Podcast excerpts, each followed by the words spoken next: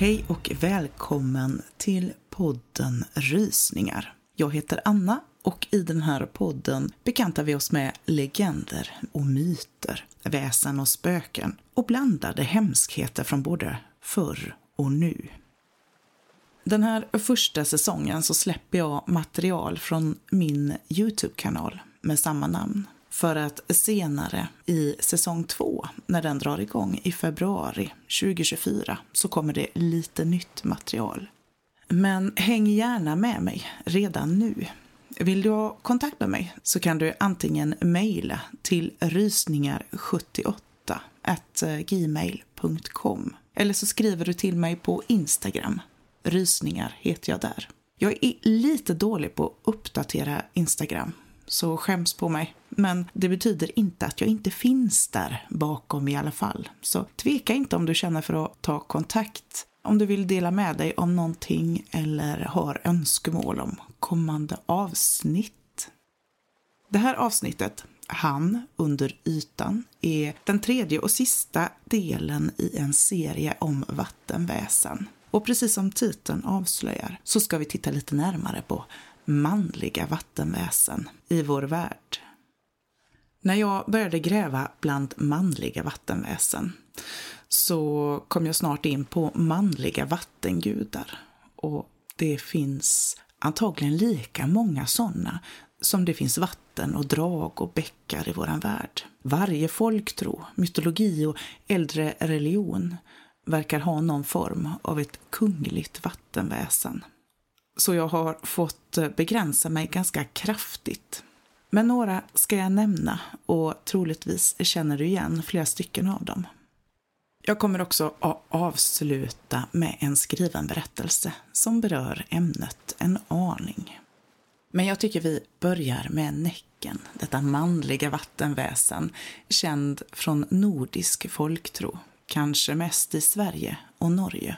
Man kan väl säga att han har blivit en personifiering av de faror som lurar vid vattnet. Hans huvudsakliga uppgift tycks vara att locka till sig människor enbart i syfte att dränka dem. Och huvudsakliga syftet med sägnen i sig tycks vara att skrämmas. För som så många andra väsen genom tiderna är han ett skrämselväsen som genom att skrämmas låta folk, ofta barn, hålla sig borta från vattnet vatten och risken att drunkna. Det sägs att han kan ha flera olika skepnader, men kanske det mest kända är den där nakna fiolspelande mannen som sitter vid vattnet. I alla fall här i Sverige och Norge. Men han kan också ha andra skepnader som sagt. Och det förekommer många lokala varianter. Manliga farliga vattenväsen likt Näcken verkar finnas i många olika former i hela världen. Bara här i Sverige kan han också benämnas som forskar eller strömkar eller bäckamannen. Det är inte ovanligt att man tänker sig Näcken som en vacker ung man som förtrollar framförallt unga kvinnor med sitt fiolspelande. Det är ofta så han avbildas. Men det här väsen trodde man vanligtvis förr var en gammal man med vitt skägg eller långt grönt hår, klädd i grått, ibland med en röd luva. Vanligt var också att han beskrevs ha säregna drag. Kanske en ovanligt stor och krokig näsa, ett extra öga. Kanske hade han hovar istället för fötter, eller åtminstone simhud mellan tår och fingrar men även horn ibland. Han kunde förvandla sig till din vän eller en kvinnas fästman bara för att lura henne. Men även en hund eller katt eller häst eller andra djur. Föremål som en guldkedja eller en gren eller en timmerstock. Det är ganska imponerande, eller vad säger ni? Musik kunde han också fiol, dragspel och flöjt. Och han spelade förtrollande. Han kunde spela så vackert att de som lyssnade ibland inte kunde sluta dansa. De dansade ihjäl sig. Och det var inte alltid bara människorna han lurade ner i vattnet med sin musik, utan även hela bohag med bord och stolar med mera. Och ville man lära sig spela och bli lika duktig som Näcken, ja då kunde man gå i lära. Man kunde gå till en bäck eller en älv tre torsdagar i följd. Den tredje natten skulle man offra någonting, till exempel en svart katt eller tre droppar blod. En duktig spelman kunde ha ryktet att han gått i lära hos självaste Näcken. Det finns en del gamla talsätt kring Näcken, att binda näck eller slå näck eller kasta näck. Det var som en besvärjelse för hur man skulle skydda sig mot honom. Detta gjorde man till exempel om man ville bada. Ja, man kastade då en sten högt upp i luften och ner i vattnet så att den inte stänkte. Att man fått ett näckbett kunde betyda en plötslig smärta. Och man kunde även svära på näcken, vilket var en lite mildare form av att blanda in djävulen.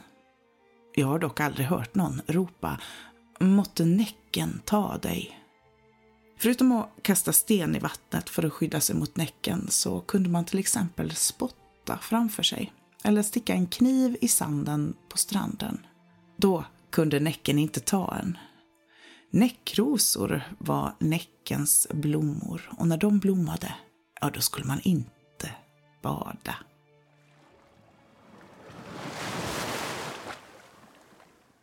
Havsmannen var i svensk folktro ett övernaturligt väsen som fanns vid kusterna till skillnad från Näcken som höll till i insjöar och vattendrag.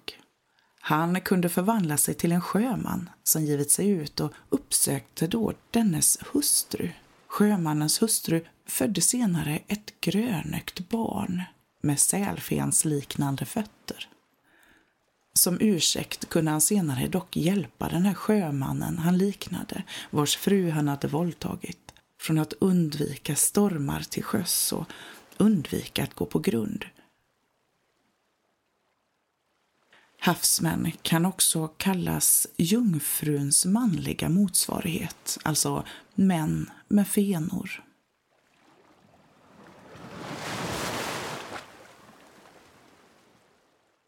Brunnsgubben, eller gubben i brunnen, bor djupt ner i gamla vattenbrunnar där han ser till att hålla vattnet friskt. Han ser till att brunnen varken sinar eller svämmar över. Och han påminner om husvätten eller gårdstomten, men hör bara brunnen till. Om man kikar ner i brunnen så ska man ibland kunna se honom sitta där nere och titta upp men man bör vara lite försiktig. Han gillar nämligen inte att få besök. Lutar man sig för långt ut på kanten så kan man få en rejäl örfil. Och barn, ja, de gillar han inte. Så på dem kan han bli rejält arg. Ja, det har många barn fått höra genom tiderna. Även om man sällan hör eller kan läsa så mycket om honom idag.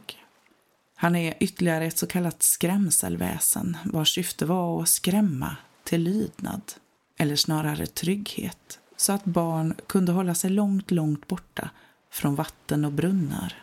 Och säkerligen har han genom tiderna räddat många barn från att drunkna.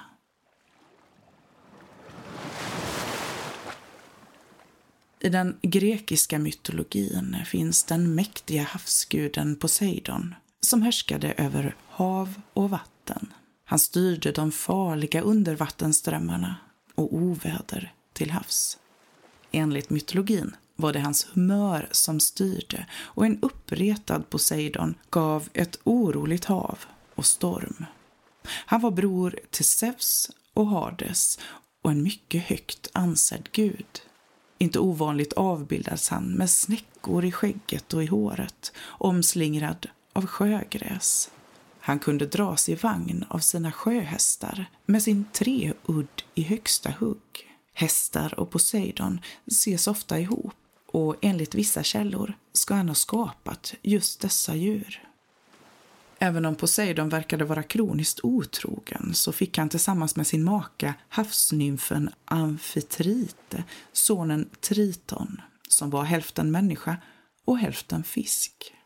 Triton kom att styra över vågor och kunde lugna havet genom att blåsa i en snäcka. Något mindre kända grekiska havsgudar är till exempel Neurus och Protus. Och i den romerska mytologin härskade istället Neptunus, alltså Poseidons motsvarighet. Den här guden gestaltades som en skäggig man med krona och även han en treudd. Och han har ju till och med en planet namngiven efter sig. I kinesisk mytologi finns de fyra drakkungarna, gudomliga härskare över de fyra haven, ett i varje väderstreck. Även om drakkungarnas verkliga form var just drakar så kan de byta form och uppträda som människor.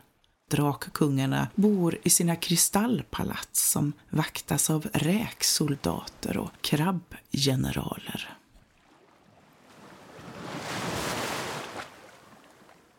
Ati, eller Ato, jag är lite osäker på uttalet här, men i finsk mytologi är detta havets eller vattnets gud.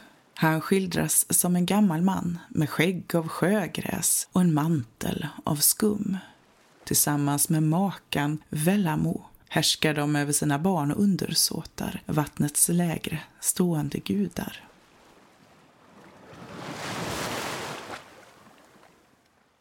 Om vi tittar lite längre bak i vår fornnordiska mytologi så var Njord havets och kusternas gud, men även rikedomen och handelns och sjöfarten och fiskets gud.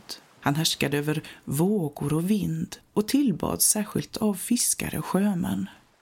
Han förde ett regellöst sexualliv och hans första barn, Frej och Freja, hade han med sin första hustru, sin syster. Njord var en högt respekterad gud som hyllades vid många kultplatser i Sverige och Norge. Njord tillhörde egentligen vanernas släkte men levde bland asagudarna. Hans betydelse kom senare under vikingatiden att ställas lite i skuggan av sin son Frej.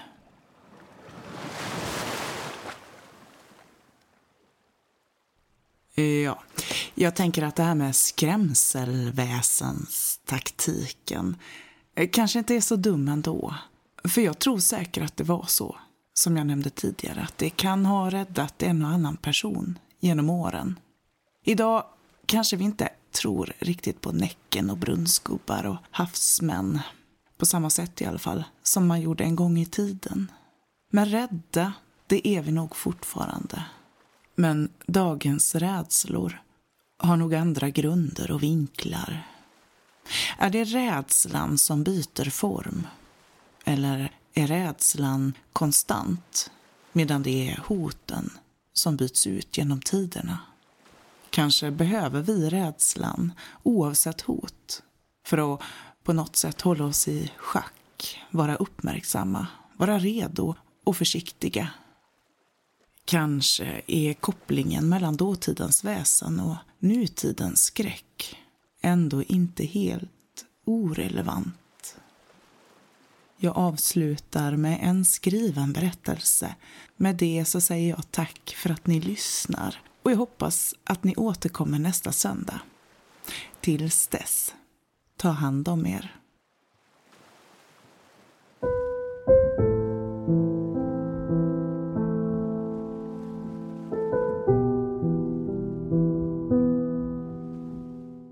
Det var väl när barnen kom som vi tappade sugen på att bo i stan. Och lagom till att vårt tredje barn kom till världen köpte vi ett äldre hus på landet. Det var som sagt äldre och behövde en hel del uppfräschning och renovering. Ingen verkade ha brytt sig om stället på många, många år. Allt vi visste var att mannen som hade bott där var ensam och han hade bott där från ungdomens dagar tills nu när han hade blivit gammal och gått bort. Det var sonen som stod för försäljningen av huset, men han hade inte så mycket att berätta då han hade haft en dålig kontakt, eller egentligen ingen kontakt med sin pappa, sedan han och hans mamma hade flyttat ifrån honom och huset när han var barn. Enligt sonen var det ingen trevlig man, hans pappa. Han hade varit bitter bitter och arg och varit både psykiskt och fysiskt misshandlande av både honom och mamman innan de bestämt sig och flyttat och brutit kontakten helt. Vad sonen visste hade pappan levt ensam sedan dess. Uppfattats som en enstöring, en grinig gammal gubbe av sina grannar och ingen hade någon nämnvärd kontakt med honom. Men nu var huset vårt och mellan blöjbyten och lekstunder så försökte vi göra så mycket vi bara kunde själva av den enklare renoveringen. Allt för att försöka spara några slantar. Att det skulle ta tid, ja det visste vi sedan innan. Men att det skulle gå så sakta fram som det nu gjorde, det var en liten besvikelse. Tröttsamt var det att leva i allt kaos som hela tiden omgav oss. Byggdamm och halva väggar, verktyg och färgburkar. Dagen då köket stod färdigt, ja den var helt fantastisk. Och även om det var mycket kvar på huset och tomten att göra så valde vi att bjuda hem vänner på middag för att åtminstone fira köket. Det var under denna bjudning som det först kom på tal, för jag hade aldrig hört talas om det tidigare, att det i våran lilla bygd, där vi nu bodde, hade det försvunnit människor. Min vän som berättade om detta hade inte all fakta, men efter lite sökande på internet visade det sig att det var två kvinnor på 70-talet som hade försvunnit spårlöst och likaså en kvinna på 80-talet. Det fanns inga spår efter dem och polisen hade stått handfallna. Kvinnorna hade aldrig återfunnits och det kändes olustigt. Men samtidigt, det var ju så länge sedan. Men det var efter detta som både jag och min man började drömma på nätterna. Bägge två, men om helt olika saker. Genomsvettiga vaknade vi upp i panik, ibland samtidigt. Och även om drömmarna skilde sig åt oss emellan så var det ändå ganska lika mardrömmar vi hade natt efter natt. Min make drömde om brunnsgubben, som han sa. Något jag aldrig hade hört talas om tidigare. Men tydligen så hade han blivit skrämd av sina morföräldrar när han var liten att han skulle akta sig för brunnsgubben. En gubbe, eller snarare ett väsen, som skulle finnas i närheten av morföräldrarnas brunn på tomten. En djup, gammal brunn, totalt livsfarlig för små pojkar att vistas vid. Antagligen hade de försökt skrämma honom bort från platsen och enligt min man så hade det fungerat. Han hade varit livrädd för brunnsgubben som liten och ofta drömt mardrömmar om honom. Nu verkade det ha kommit tillbaka. För det var precis så som han hade trott att den här gubben såg ut när han var liten. Det var så som han drömde om honom nu som vuxen. Och brunnen, den fanns med i drömmarna. Detta mörka hål ner i det djupa. Han berättade inte så mycket mer om drömmarna. Han verkade tycka det var lite fånigt. Men att de var obehagliga, det förstod jag. Varför skulle man annars vakna upp med svettpärlor och ansträngd andning natt efter natt? Mina drömmar gjorde mig totalt vettskrämd. Återkommande drömmar, liknande men i olika skepnader. Jag var tillfångatagen, bunden och livrädd, misshandlad på alla tänkbara sätt, brutalt och sadistiskt. Av en man som jag aldrig riktigt kunde se, men som skrämde mig till vettet. Ibland kunde jag fly ifrån honom. Bakbunden sprang jag, men han hann alltid i kapp. Ibland vaknade jag upp av att han slog ihjäl mig, ibland av att han knivhögg mig till döds. Någon gång föll jag och jag föll och föll ner i ett mörker. Det var helt fruktansvärda drömmar och de höll på att göra mig galen.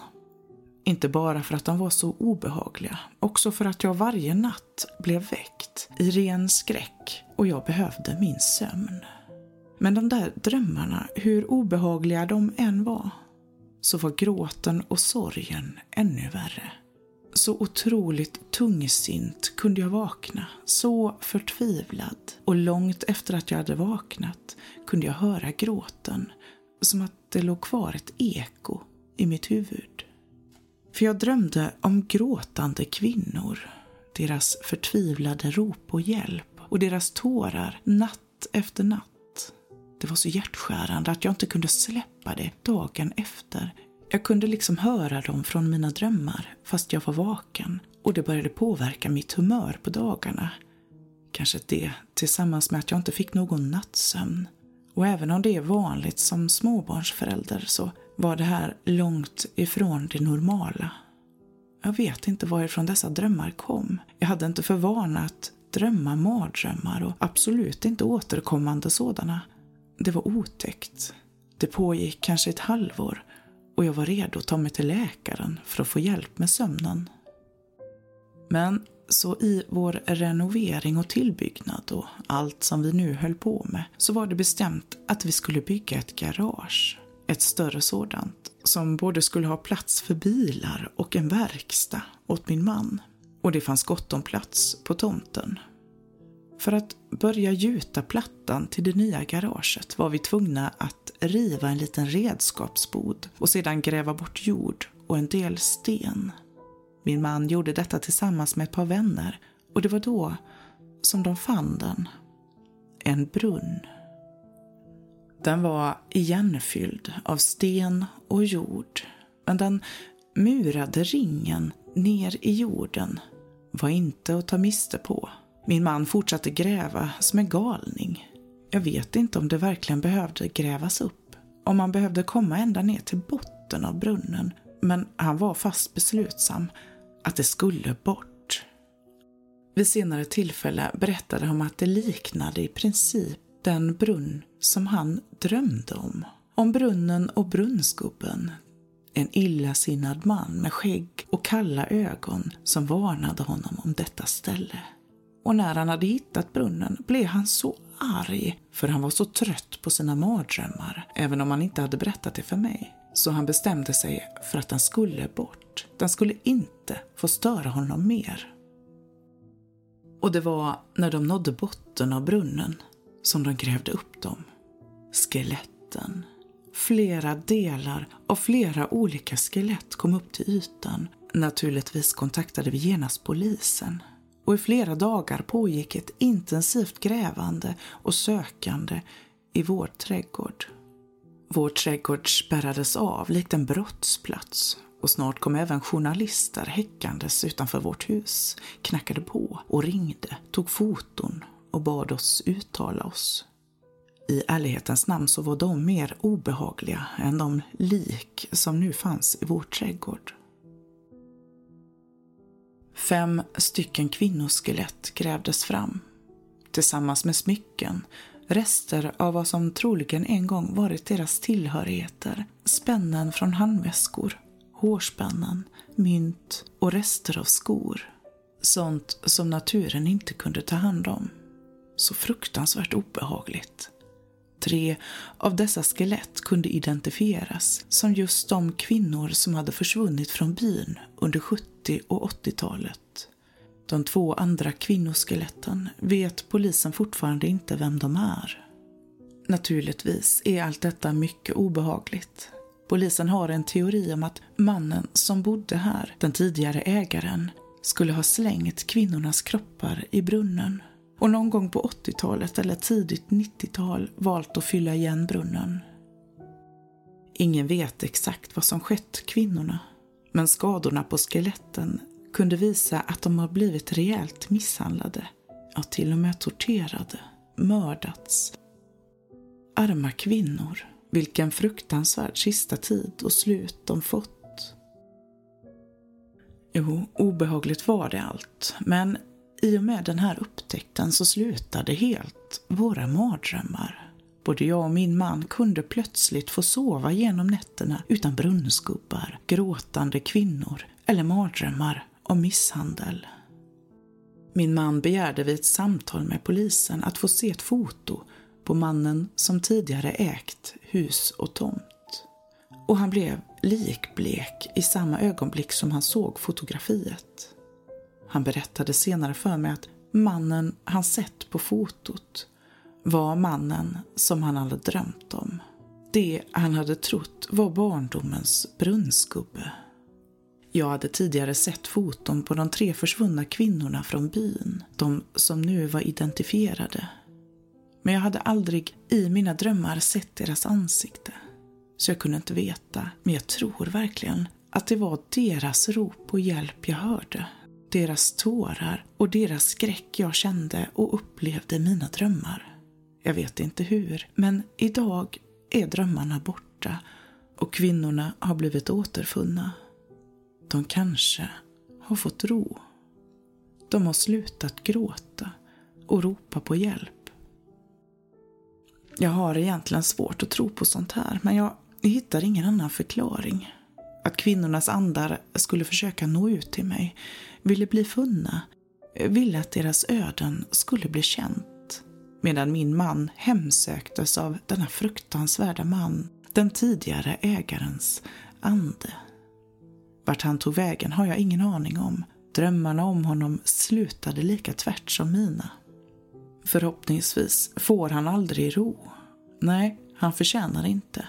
Och jag hoppas att han hamnat långt, långt längre ner än botten på en brunn.